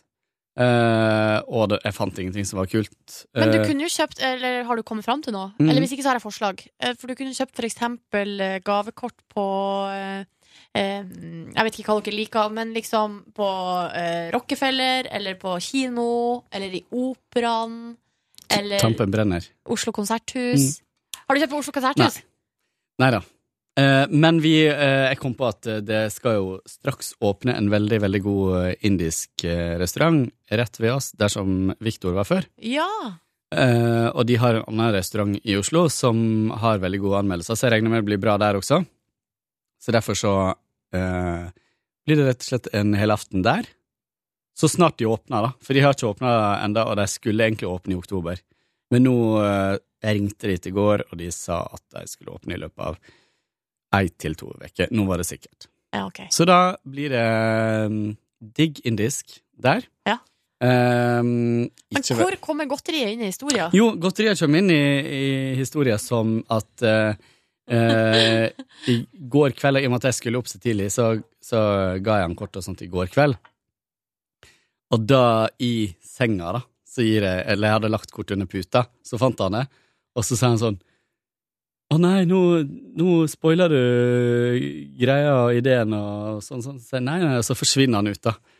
Og så lå jeg i senga og tenkte Hva Shit, skjer nå? Nå går han liksom og pakker inn et eller annet jarv i papir, i rein sånn Å nei, jeg har ikke kjøpt noe. I avispapir. Pakk inn en kopp, liksom, eller et eller annet du har sett før i leiligheten hans. Um, for jeg hørte at det knasa i masse papir og greier, men så kom han inn igjen da, med, med en eh, pakke som så ut som ei bok, Ja. og med en eh, stor bukett med lange røde roser. Nei, så koselig! Og så En pose med godteri! en Nei, et helt hus med godteri. Wow! Det er ei eske som er forma som et hus.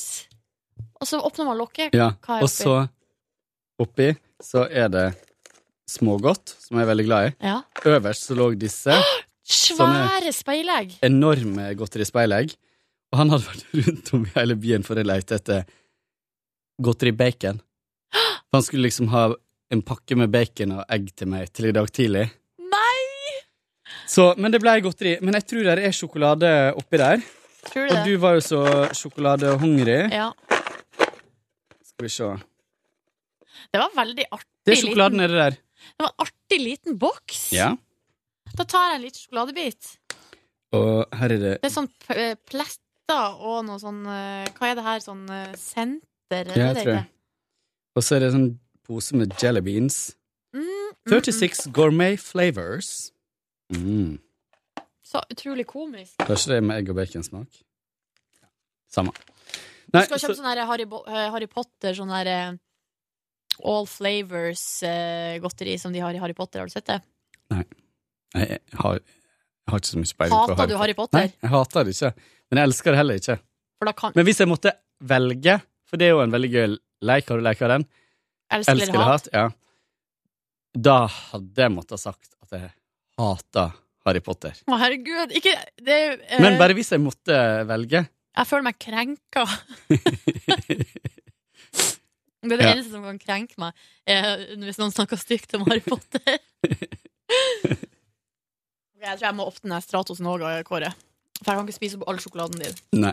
Men- jo, det kan du, men uh... Kan jeg bare du, kjapt si, for vi glemte å si, for det er jo noen som spoler uh, over introen og går rett til bonussporet. mhm. Det er altså Kåre og Silje som er her. det er ingen andre her. Nei. Det er ikke sånn at de er her og er helt stille. Eh, fordi Ronny er eh, på Han er på sykehuset, ikke noe alvorlig. Han er bare på en sånn kontroll, det med den søvnmaska som han har fått. Jeg regner med vi får en eh, utfyllende rapport i morgen. Men er det her helt riktig? Hva da? Er ikke han og skal få seg nytt pass? Nei, det var han i går. Å ja. Det var i går han skulle få seg nytt pass. Dagene går i ett. ja. Ja, stemmer. ja. Ja. Så Ronny har også fått seg nytt pass. Det fikk han i går. Det får vi full oppdatering om Ja. i morgen. Var det noe mer du, som skjedde i går? Um, nei. Men Jeg, Hvor glad ble du over at han faktisk hadde en plan der hjemme på hjemmebane? jeg ble veldig glad, men jeg ble kanskje enda mer letta, for jeg hadde, jeg hadde syntes det var Kleint. så kleint hvis han ikke eh, liksom huska. Ja. Eh, for hans del, da. Jeg hadde ikke tatt det så veldig ille opp. Nei. Men eh, også inn, inni den pakken av som var bok, så var det reisebok til Barcelona. Eh, Å, fordi dere for der- skal dit. Ja. vi skal dit i påska, og jeg har jo ikke vært der før. Han har vært der mange ganger, så da var det mm, Det var, det var bra, bra gave. Ja. Um, Jeg vet ikke hvordan det Det er vanskelig å generalisere, kanskje, men eh, med dere gutter om eh, det med å liksom prate om eh, sånne ting på forhånd. For at jeg er i hvert fall sånn For jeg også syns sånn type ting er kleint, så da, det unngår jeg for enhver pris. Derfor så bare tar jeg det på, f i forkant. Og prate om det. Nå er det jubileum, skal vi kjøpe noe til hverandre? Ja, Mm. nei, OK. Ja. Ferdig. Men jeg skjønner jo at jeg Tar bort litt av mystikken, kanskje, men Ja, jeg syns det tar bort litt uh, greier, men vi, vi pleier å prate om det før jul, at og kanskje vi heller Kanskje vi dropper å kjøpe så store julegaver, så kan vi heller gjøre et eller annet morsomt. mm. Men så ender det opp med begge deler. Alltid. det blir både dyrt og morsomt. Og vi gjør en annen ting i tillegg. men, eh, men jeg syns jo at man eh, Jeg syns det tar bort litt av eh, mystikken hvis man, eh, hvis man snakker for mye om det. Ja. Eh, og så innser jo jeg at jeg alltid tenker Å, tenk hvis han har glemt det. Men det har han aldri gjort.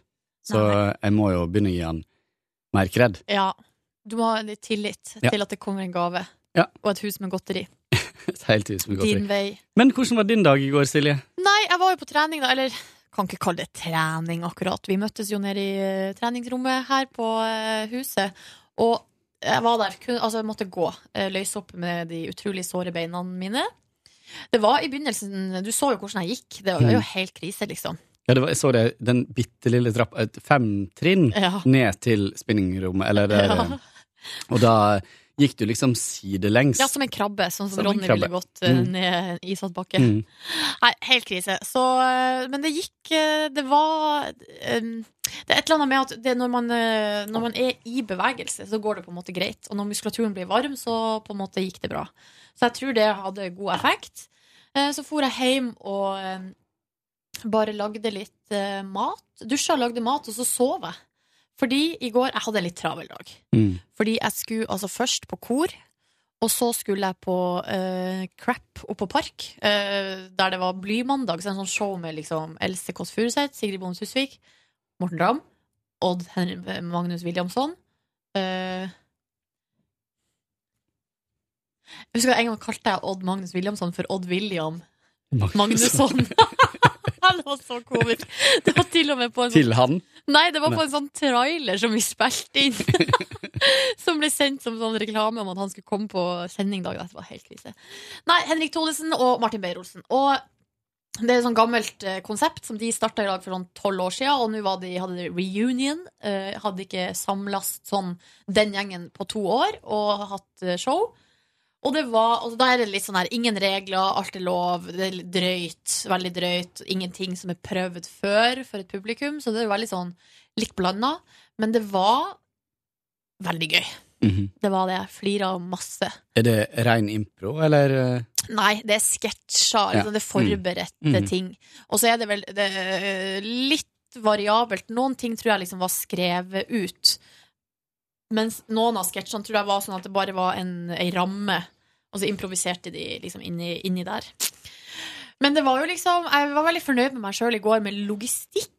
Eller sånn. Fordi det her jeg snakka litt med Ronny om òg, i går blant annet, at når jeg har planlagt ting på kvelden, sånn som i går, og i dag òg skal jeg på Costume Awards, så, så når jeg våkner på morgenen den dagen, så begynner hjernen med en gang å tenke sånn jeg klarer ikke å gjøre det her i kveld. Jeg klarer ikke, jeg klarer ikke. Kan- jeg bare droppe det? Jeg vil droppe det. Jeg gidder ikke. Jeg vil bare søve, søve, søve, søve. søve. Mm. Det er liksom det hjernen tenker. Og det, og i går òg så var jeg litt sånn der Jeg var på nippet til å liksom selge den billetten og sånn, fordi Altså, det var utsolgt, så jeg hadde fått, kommet Mm. til å fått uh, Hva jeg skal si Bli kvitt den. Men jeg er så glad for at jeg klarte å ta meg i akt uh, og dra. Og så klarte jeg å kombinere koret, så jeg dro på kor, var der i halvannen time, og så bare sprang jeg til bussen, tok bussen ned, bom, rett inn på Parkteatret. Jeg var så fornøyd. Ja. Blir jo slitt, man blir litt sånn ekstra sliten, men jeg tror kanskje man får mer igjen for enn man blir sliten. mm. Det er Costume Awards i kveld, litt usikker på hva jeg får igjen for det. Men vi får se. Men eh, jeg også tenker at eh, når man er sånn trøtt fordi Ja. man er oppe tidlig, så for meg så går det egentlig mer på sånn Jeg orker, Men jeg har bare ikke så veldig lyst. Nei, det Eh, men så hvis jeg først da orker å dra meg av gårde, så blir det gøy, og da Ja. har man lyst. Men det er akkurat det som eh, Og det er litt skummelt, for at jeg har i perioder så lar jeg den der eh, 'jeg gidder ikke, jeg har ikke så lyst', lar det liksom få lov til å bestemme litt. Og da ender det opp med at man ikke har noe liv. Og eh, etterpå ender det med at man ikke har noe å snakke om. Eh, man, ikke har, liksom, man har ingen impulser i hodet, liksom, bortsett fra det jeg så på TV i går, som er liksom Det er jo en reell fare for at liksom, man bare sitter og snakker om hva man så på TV i Mm. går. Og det, det gjør vi jo her ofte. Fordi man er jo vanlige folk, har vanlig liv, vi ser mye på TV. Ja. Men Så- eh, kanskje vi skulle hatt en sånn sofa eh, på radio? At vi rett og slett sitter og, At vi kommenterer og og ser på TV. på TV og kommenterer? Nei. Live, liksom. Bare Ja. Vi har jo Det er jo litt sånn det vi gjør når vi ser på Grand Prix, eller når vi har Ja. den Grand Prix-sendinga. Og så hadde vi også Jeg og Ronny og Yngve kommenterte jo ski-VM på nett. Det var helt random, liksom, fordi Og det var jo da Det var den tida min eh, Marit Bjørgen-forelskelse starta. Mhm. Og da var jeg altså Og da var det sånn at eh, lytterne kunne Det var NRK Sporten som hadde det der prosjektet, så ble vi spurt om vi hadde lyst til å være med. Og så var det andre, sånn Leo Ajkic og Hasse Hope og Erik Solbakken sånn var med. Og da uh, Og det var liksom poenget var at folk som ikke kan noe om ski, skal kommentere, liksom. Og da kunne folk stille spørsmål på uh, sånn chat. Og da er jeg så fornøyd med Det her er en vits, jeg har sikkert sagt det før, men jeg var så fornøyd med Det var en, lytt- en eh, seer som spurte uh, hvilken skiløper ville dere helst vært, eller hvilken idrettsutøver ville dere helst vært? Og da svarte jeg Fred Børre Lundberg, Det er et veldig bra svar. som er mannen til Marit Bjørgen. Han, er liksom, han var jo en bra løper. Han var vel kombinert løper, tror jeg. Man, man vunnet masse gull og greier, men han har jo lagt opp for lenge siden, så det er veldig random å være han. Ah. Har du møtt uh, Marit? Ja. En gang. Det var, det var her i P3 Morgen, for da Det var Var jeg reporter, da? Mm. Unnskyld, jeg spiser sjokolade mens jeg tenker. Ok, jeg, jeg vet ikke, jeg husker ikke. Det har ikke så mye å si. Jeg ble i hvert fall sendt opp på Olympiatoppen Mm. og skulle liksom da spise frokost med Marit Bjørgen. Og jeg var Men da var jeg, ikke, fra- da var jeg liksom ikke sånn som jeg er nå. Men For nå er du Nei, kanskje, men greia er at nå, det har roa seg litt. Men ikke i fjor, men for to år siden, da var jeg liksom Da var jeg skikkelig keen, liksom. Nå, nå er det mer sånn Kanskje mer sånn beundring og eh, Jeg bare syns hun er så flott og sterk og Men er det Vi har jo av, av og til det spørsmålet til gjestene våre. Hva slags kjendis vil du helst ha eh, Ligget med. ligget med? Eh, Ville hun ha kommet eh, langt opp Ja, hun er høyt oppe på lista. øverst? Mm, å, det, det er vanskelig hvis man skal velge hele verden. Vet du hva jeg syns er vanskelig med det spørsmålet? Det spørsmålet der er artig. Eh, det er kanskje artigst når noen har et uttenkt svar, liksom. Men jeg syns at eh, problemet med det spørsmålet er at det er vanskelig å svare For sånn som det er mange som er fine eh, og ser vakker ut. Men det er ikke nok. Hvis man skal være keen på ligging, så må det jo være noe mer der, liksom. For min del, i hvert fall. Det må jo være en kjemi på, Mhm. på et eller annet plan. Og det er ikke nok at et menneske ser fin ut. Det må være noe mer. Og det vet man jo, men sånn som sånn, så, det, det vet jeg om Marit. Ja, men Der tror ikke du at de fleste har en tiltrekkende side hvis du syns at de er veldig, veldig flotte? Da har du lagt merke til en utstråling jo, og en Ja, men ja, jo. Syns det, jeg syns det er litt det er vanskelig å svare på det før man har møtt vedkommende. Mhm. Eller i hvert fall sett vedkommende sånn på en scene. For det er lettere med artister, for eksempel. Mm. For de ser man jo hvordan de beveger seg, hvordan på en måte Og, nå, og da er de seg sjøl, mer enn skuespillere som ikke er seg sjøl. Ja. Skuespillere syns jeg er vanskelig, for du kan bli keen på karakteren. Mm. Men skuespilleren kan være helt annerledes eh, privat. Blir helt mindfuck. Men hvem eh, Ja. Vet du hvem jeg syns er skikkelig fin? Det er hun eh, Emma Stone. Ja. Er det det hun heter? Mm. Hun som var med i Superman og Mm. Nei, Spiderman. Og så var hun med den uh, uh, Med han eh, Åh, nå står det stille. Han Ja, Ryan Gosling. Ja, Ja, den derre Romcom Ja oh. med Julianne Moore og oh, Julianne Moore er jo min favoritt, da. Ja. Eh, av alle, liksom. Jeg så jo den filmen Magnolia. Hvis du ikke har sett den, kjære lytter, så burde du se den filmen, en klassiker. Han Philip Hoffman Seymour er jo med der og gjør en strålende eh, innsats. Men da jeg så den filmen Magnolia første gang, så eh, ble jeg så bergtatt av hele filmen og Julianne Moore at jeg så den to ganger til i løpet av ett døgn. Den varer i tre timer. Helt krise. Men du da, Kåre? Om Men nå får du spørsmål i retur, selvfølgelig. Du kan ja. ikke stille sånne Nei, spørsmål uten å få sånn det i retur. ja. Hva, Ryan Gosling er altså Han kunne til og med jeg vært tilbøyelig Ja, og han kommer høyt opp, altså. Ja. Eh, absolutt. Um, I Norge, Petter Northug, er vi der? Nei, vi er ikke der. Martin der er vi. Ødegaard. Nei, for ung. Eh, nei, og det, og det blir Når det er snakk om internasjonale, så blir det litt fort sånne klisjeer. Der er liksom kanskje Men Leonardo DiCaprio, seriøst. Nei. Der Han er så fantastisk. Nei. Ikke enig. Nei. Nei. Han er Jeg likte han i, i Titanic, men det var jo fordi at da var jeg kanskje 18? Ja. 17? På hans alder. Det var litt yngre Ja, enn han, da. sant? Men um, Nei, jeg tror jeg måtte ha sagt eh, Hugh Jackman, kanskje. Å, jaså? Eh, og selvfølgelig Brad Pitt. Ja. Men eh, det er jo veldig typiske svær. Jeg lurer på hvordan Brad Pitt er som menneske, liksom. Om han er veldig karismatisk. Så du Gwyneth Paltrow hadde uttalt i et intervju at Brad Pitt var for bra for henne. Hun kunne ikke være Altså, han Ja. Det var så det Det er helt enig i. Ja, du liker ikke henne. Jeg liker heller ikke Nei, henne. jeg liker ikke henne. Men greia er at jeg har aldri likt Gwyneth Paltrow noe særlig. Og litt fordi jeg så den filmen Sliding Doors i sin mm. tid, som er den verste filmen i historien. Uh, I tillegg til Shakespeare in Love. Fy fader, for noe dritt! Uh, men så så jeg henne på Graham Norton Show, og da var hun så kul, liksom. Mhm. Skikkelig sånn, for hun er jo Hun har jo vært i bransjen siden hun var bitte, bitte, bitte lita, så jeg føler at hun har veldig sånn Og så har hun jo en slags eh, Veldig sånn kjapp i replikken, og bare skikkelig morsom. Mm. Fikk jeg litt sansen igjen, altså. Og da lurer jeg på hvor bra er Brad Pitt? Ja.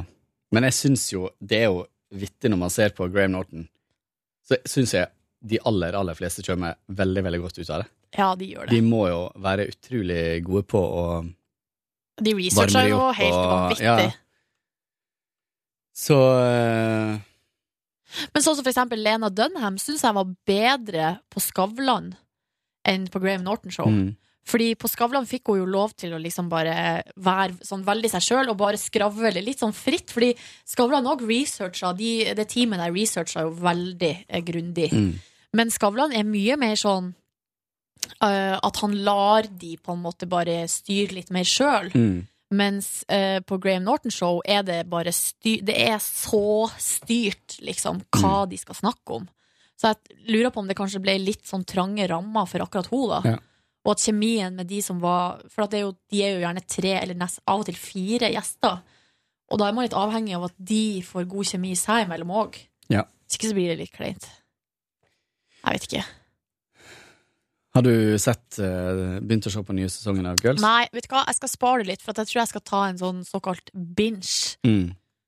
Og så er det jo det her eh, som jeg snakka om, den der eh, overgangen mellom um, pad og TV, som Mm. jeg nå driver og planlegger. For den her Airplay-funksjonen, det har jeg gitt opp. Ja. Klarer ikke hakking, vet du, da klikker jeg. ja. Den funka hjemme hos meg, men jeg bruker mest Mac-en uansett, så Ja, funka Airplane på HBO? Ja. Skjønner ikke hva det er som er Er det Men nå har jeg fått uh, superbra nett, da.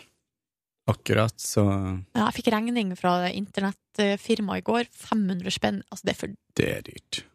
Veldig dyrt. Ja, det er, det er veldig dyrt. Vi fikk uh, Vi har fått det ned i 300 nå, og da er det sjukt bra. Inkludert Fiber. kabel og sånn òg? Inkludert uh, Nei, ikke inkludert TV. Nei. Eh, det er vel Ja, det er inni husleia, så det er jeg usikker på. 99, eller Ja, riktig. Så um, For det er det som er at det er jo en grunnpakke inkludert i min husleie. mm, Så har, altså det er det som er så irriterende. Så det har jeg tatt det opp på generalforsamlinga i fjor. At man allerede betaler penger for et produkt, men det er på en måte ikke bra nok, så du må betale ekstra. Ja, det, er det, det det jeg betaler 99 for. For Ja, å få ja. Getbox. Ja. Og det er det jeg nå Altså, for, for ekstra boks og eh, internett, så er det 500 kroner ekstra i måneden. Mm. Synes jeg er litt mye, altså. Og det er det som er så rart, for før, da vi var to stykker i husholdninga, to inntekter, så var det på en måte ikke noe problem. Men nå når det er bare meg, vet du hva Nå har jeg Jeg tror jeg har sånn 3500 kroner igjen før eh, er neste lønning. Mm. Og det høres jo i utgangspunktet sånn Ja, det kan gå greit. For kan man liksom ikke drive og spise så mye ute og ta taxi og ikke noe shopping og sånn. Bare sånn, bare leve helt vanlig. Men så har jeg da en regning på 500 kroner, så har, fra, og så har jeg en strømregning på 800 spenn. Og så er det noe Mastercard som driver og sender meg regning hele tida, som jeg ikke skjønner meg på. Hvis, Men- man ikke, hvis man ikke har noe minus på Mastercardet, hvorfor må jeg betale 300 kroner i måneden? For det minstebeløpet Du har jo, du har jo noe i minus hvis du har brukt Mastercardet. Ja, men det er jo det at Jeg betalte jo 5000 spenn på det Mastercardet før jul for å komme i null. Ja, men så er det sånn at det er en grense som er satt på Mm. for eksempel 10 000, eh, og alt som er over det må betales, og det som er under 10 000 må du betale et minstebeløp på så og så mange prosent, og det blir kanskje 300 kroner. Så hver måned må du betale litt. Hvis jeg, ikke, hvis, ikke, hvis jeg føler at når det er nede i null, så har Men jeg hvis det er nede i null, så skal ikke du Ja, det er nede i null. Ja, men da må du sjekke opp, da må du ikke betale den regninga. Ja, jeg må gå inn og sjekke. Ja. Jeg blir ikke klok på det der. Men jeg syns ofte det er vanskelig å vite uh, hva som er Altså hvordan man ligger an Ja. på et kredittkort. For det er litt sånn, du kan gå inn på sånn Jeg har sånn app du kan gå inn og sjekke, men det er litt vanskelig å vite hva er det som har gått til forfall, og hva er det som ikke har gjort det. Jeg syns det er litt sånn oversiktlig. Har en mistanke om at de prøver å gjøre det uoversiktlig, så du skal miste litt uh, kontrollen. Ja. Du, jeg tar altså går inn her og ser om vi har noen, vi har noen spørsmål her til podden. Mm. Skal vi se? Skal bare For vi har fått her fra ei som heter Hildur. Som skriver Jeg skal plutselig være en dag på Hamarøy i vinterferien, for da reiser jeg videre til Lofoten. Og da lurer jeg selvfølgelig på, Silje, om du har noen tips eller annet jeg kan bruke dagen der til. I tillegg til Hamsunsenteret, selvfølgelig. For, ja, for det må, kunne jeg jo si. Du må dra dit, ta en kaffe hvis man vil eh, gå opp i tårnet og kikke. Det er ganske kult eh, bygg. Vunnet masse priser, arkitekturpriser og sånn. Um, I tillegg, altså Det skjer ikke så veldig mye på Hamarøy. Altså sånn Det er ikke sånn at ja, Jeg går på eh, The Square, og så er det masse breakdansere der, og dritgod stemning. Altså, det, liksom, det skjer jo ingenting der sånn til daglig. Men jeg vil anbefale deg, Hildur, å ta, hvis du har bil Det regner jeg med du har hvis du skal kjøre Eller ja, uansett. Prøv å komme deg ut til eh, bygda som heter Tranøy. Og der er det Tranøy fyr. Så det er utrolig Det er et sånn fyr, eh, gammelt fyr som ligger ute ved havet. Eh, og så er det noe kunstgalleri. Jeg vet ikke om de er åpne da i vinterferien, men det er i hvert fall uh, sånn lita bygd med sånn gamle, masse gamle hus. Små hus. Og så er det en kafé der, og kunstgalleri hvis de er åpne. Så er det bare generelt veldig, veldig vakkert. Og så er det også sånn kunstutstilling som jeg igjen må si jeg er litt usikker på om er på vinteren. Men de har på bergene, så setter de eh, Så er installert liksom masse Altså kunstutstilling ute. Som er sånn gratis. Du bare går og kikker, liksom. Så er kunsten på en måte integrert i landskapet, liksom. Så gøy. Ja, det er kjempefint. Litt sånn som Skulpturparken her, eller? Ja, men det er også skulpturpark der. Ja. Som, altså, de, den kunst, kunstutstillinga som er på en måte akkurat på Bergan, der er det bilder som Ja. er plassert, liksom. Så I tillegg så er, det, så er det satt, installert opp sånne øh, Og den er jo sånn som byttes ut. De bildene byttes ut en gang i året, ca. Men det, i tillegg så er det sånne øh, rundt omkring liksom, i naturen, så står det liksom skulpturer og sånn. Det var jo det jeg var i høst. Da var ikke du her når jeg, jeg fortalte at jeg var på skulpturfest. I lag med mamma og pappa på Tranøy. For da hvert år så settes det opp en ny skulptur. Og så er det folk, at folk betaler da en slags andel i skulpturen. Ja. Og så for å feire da, når den blir avduka, så er det en stor fest. Med bare masse gamle folk som er veldig opptatt av kultur. Og meg. Og det, Men kanskje du, eh, du skjenker et eller annet til eh, Hamarøy? Kanskje du typ skjenker en, en benk med en liten sånn plakett på? Denne ble skjenka av Silje Nordnes. nei, det er litt tidlig. Nei, det er aldri for tidlig Det er, for skjenking. det er en benk der som heter Pensjonistbenken. så kanskje jeg kan sette opp en benk ved sida av den, da. Ja, slags ja ungdomsbenken. For kids. Ja. Kunne ha skjenka noe til De har fått ungdoms... De har gjenåpna ungdomsklubben. Mm. Høyborgen. Der har jeg altså levd mine glansdager på Høyborgen. Oi, oi, oi, oi, oi. Hvor- Gode minner. Ja, det er så mye gode minner der. Og rolig dansing, og jeg glemmer ikke engang Og det her var liksom på ungdomsskolen. Så gikk det på rundgang hvem som var DJ. Um, så var det en gutt som veldig ofte var DJ, og jeg glemmer ikke den gangen han hadde ei øl bak DJ-benken. Så han sto og drakk. Han var liksom fem- 14-15 år. Var helt Ja, det var så mye fint. Og jeg hang så masse på uh, ungdomsklubben jeg også, i Volda. Og, eh, og, og jobba der litt sånn i kiosken, og, og Ja, var også ja. DJ litt. Og det var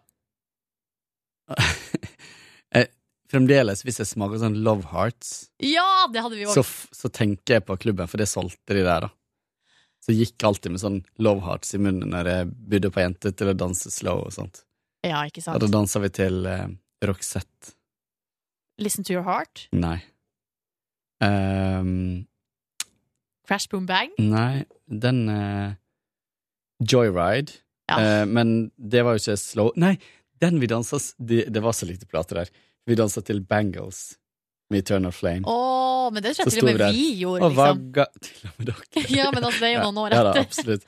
Uh, så sto vi og vagga fram og tilbake, og så var det sånn Akkurat idet man liksom møtte en kompis i vagginga, Ja.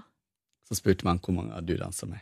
Så viste du med fingrene bak ryggen på henne. Hvor mange man Ja. har dansa med. Å, det er artig! Vet du hva, Nå skal jeg prøve å finne Nå skal jeg prøve å finne den sangen som vi dansa veldig mye til. Skal Skal vi se.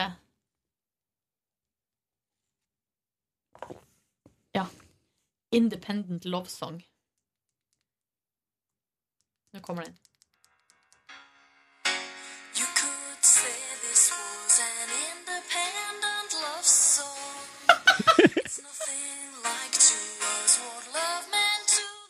På om det her er liveinnspilling. Aldri hørt før.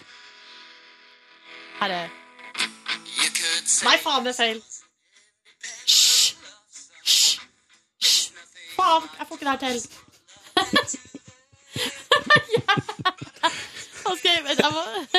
Så independent var den lovsangen at den bare får ikke den av igjen. Men, Og den her òg.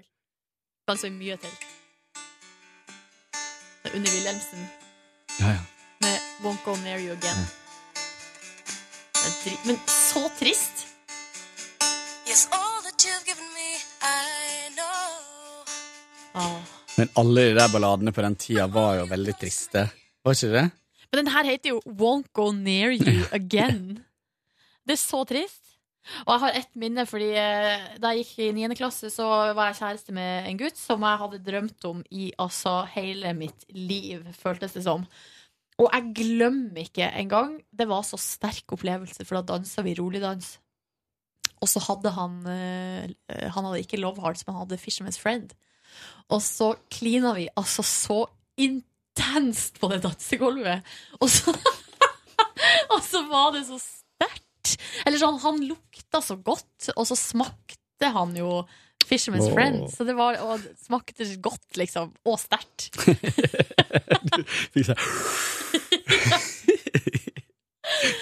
Veldig gøy. Men, eh, men eh, deltok du i sånn norgesmester i diskodans Ja, ja, ja, til den Boom Shake Shake Shake the Room? Nei, men vi hadde, nei, vi hadde mer. jo I min tid, så jeg glemmer ikke, da dansa vi til uh, Boom Funk MCs uh, freestyle. Ja. Åh, det var altså helt episk. Men jeg var øhm, Ja, kanskje jeg ikke skal avsløre Jo, det er vel ikke noe skam, eh, skamtema sånn egentlig, men um, den, det jeg er kanskje dårligst på i verden, er å danse. Altså, jeg er så dårlig til å danse. Jeg kan ikke svare på Jeg har, jeg har sett deg danse én gang på P3 Gull-festen. Ja, Eh, Det var ikke så veldig bra, var det det? jeg, jeg vurderte ikke det, tror jeg, men eh, Men eh, man trenger ikke å være så flink til å danse så lenge man liker å danse. Ja, jeg, men det er det som er at jeg elsker jo å danse. Ja. Um, og jeg på en måte tar liksom ikke så tungt på det sånn egentlig, men jeg skulle på en måte ønske at jeg var flink å danse. For jeg syns de som er flinke, så, de er så kule, liksom. Mm. Ja, det ser så bra ut. Ja. Ja. Du, skal vi bare si at det var det? at vi er ferdige? Ja, vi går ut med den. Ja. Da ønsker vi deg en eh, god dag, eh, kjære lytter, hvor nå enn du befinner deg i eh, rytmen. Snart fredag. Snart fredag. Jeg tror I morgen lurer på om jeg konfronterer Ronny med altså, Om han på en måte For han snakka altså så han begynner, I denne uka så begynte han å snakke om helg på mandag. Jeg vet ikke om han liksom eh, ikke finner noe glede i hverdagen. Jo, det tror jeg han gjør. Han gjør jo det, men eh, den, den gleden over helga, den er ekstrem. Skal vi se om vi kanskje konfronterer han med det i morgen. All right, da, du. Ha det! Ha det. Hør flere podkaster på nrk.no podkast. P3.